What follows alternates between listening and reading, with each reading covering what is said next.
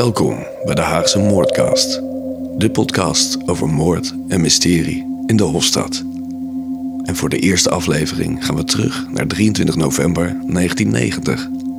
Het is een gure en bewolkte vrijdagavond en aan de Jaap Edeweg maakt scoutingvereniging Eurogroep zich op voor een voorlichtingsavond.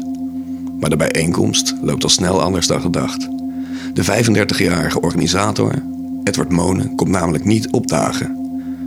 Dat doet de alarmbellen rinkelen. Monen was namelijk fanatiek lid dat zijn afspraken met de scouting altijd nakwam. Als hij de volgende dag in het zwembad waar hij werkt ook niet verschijnt, besluit de agent polshoogte te nemen bij zijn woning aan de Archeestraat 52. Daar stuiten ze op een hoortafereel. Edward Victor Monen, bijnaam Eddie, blijkt op extreem gewelddadige wijze te zijn gedood. Zo vindt de politie hem met een groot gat in zijn schedel. Om zijn nek zit een strak telefoonsnoer gedraaid. Ook is er met brute kracht een pollepel door zijn keel gestoken. Er is zoveel geweld gebruikt dat het niet anders kan dan dat er bij de dader diepe haat naar Edward zat. Edward was vervent hobbyfotograaf en had dus ook apparatuur in zijn huis.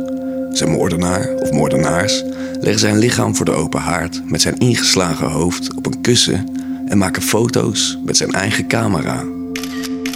Na 33 jaar is nog steeds niet duidelijk waarom hij zo aan zijn einde moest komen.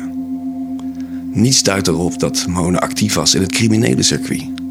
Ook de kans op roof als motief is nihil. Er zijn geen waardevolle spullen vermist en bovendien zou een roofmoord het buitensporige geweld niet verklaren. Het onderzoek richt zich dan ook vooral op andere gebieden, zoals de scoutingvereniging. Misschien speelde daar een probleem.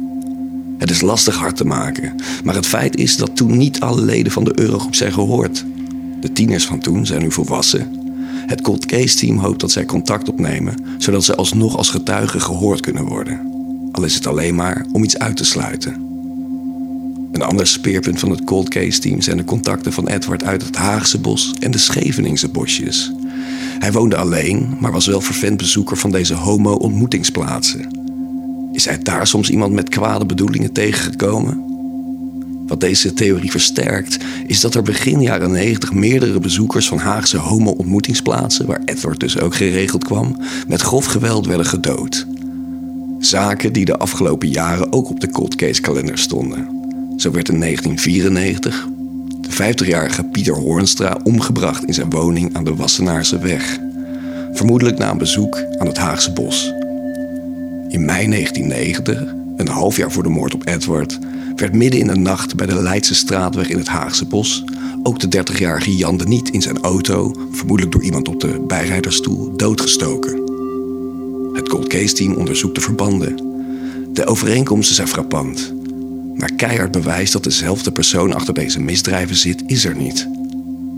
Het team wil bezoekers van de homo-ontmoetingsplaatsen uit de jaren 90 met klem vragen zich te melden.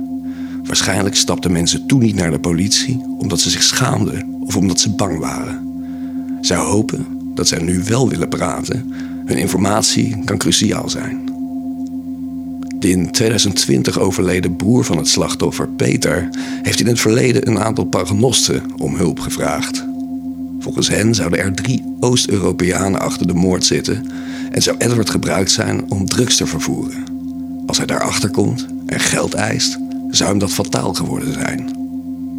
Hoewel Peter zijn broer niet in het verhaal van de paragnosten herkende, viel het hem vlak voor de moord wel op dat Edward anders was en zich anders gedroeg.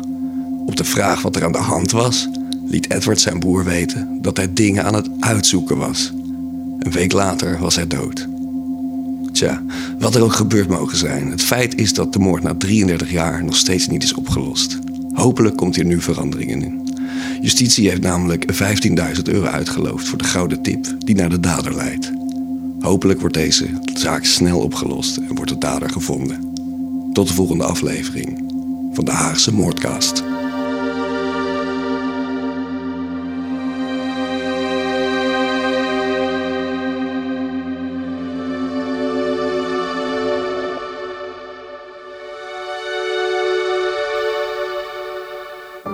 Bedankt voor het luisteren naar deze podcast.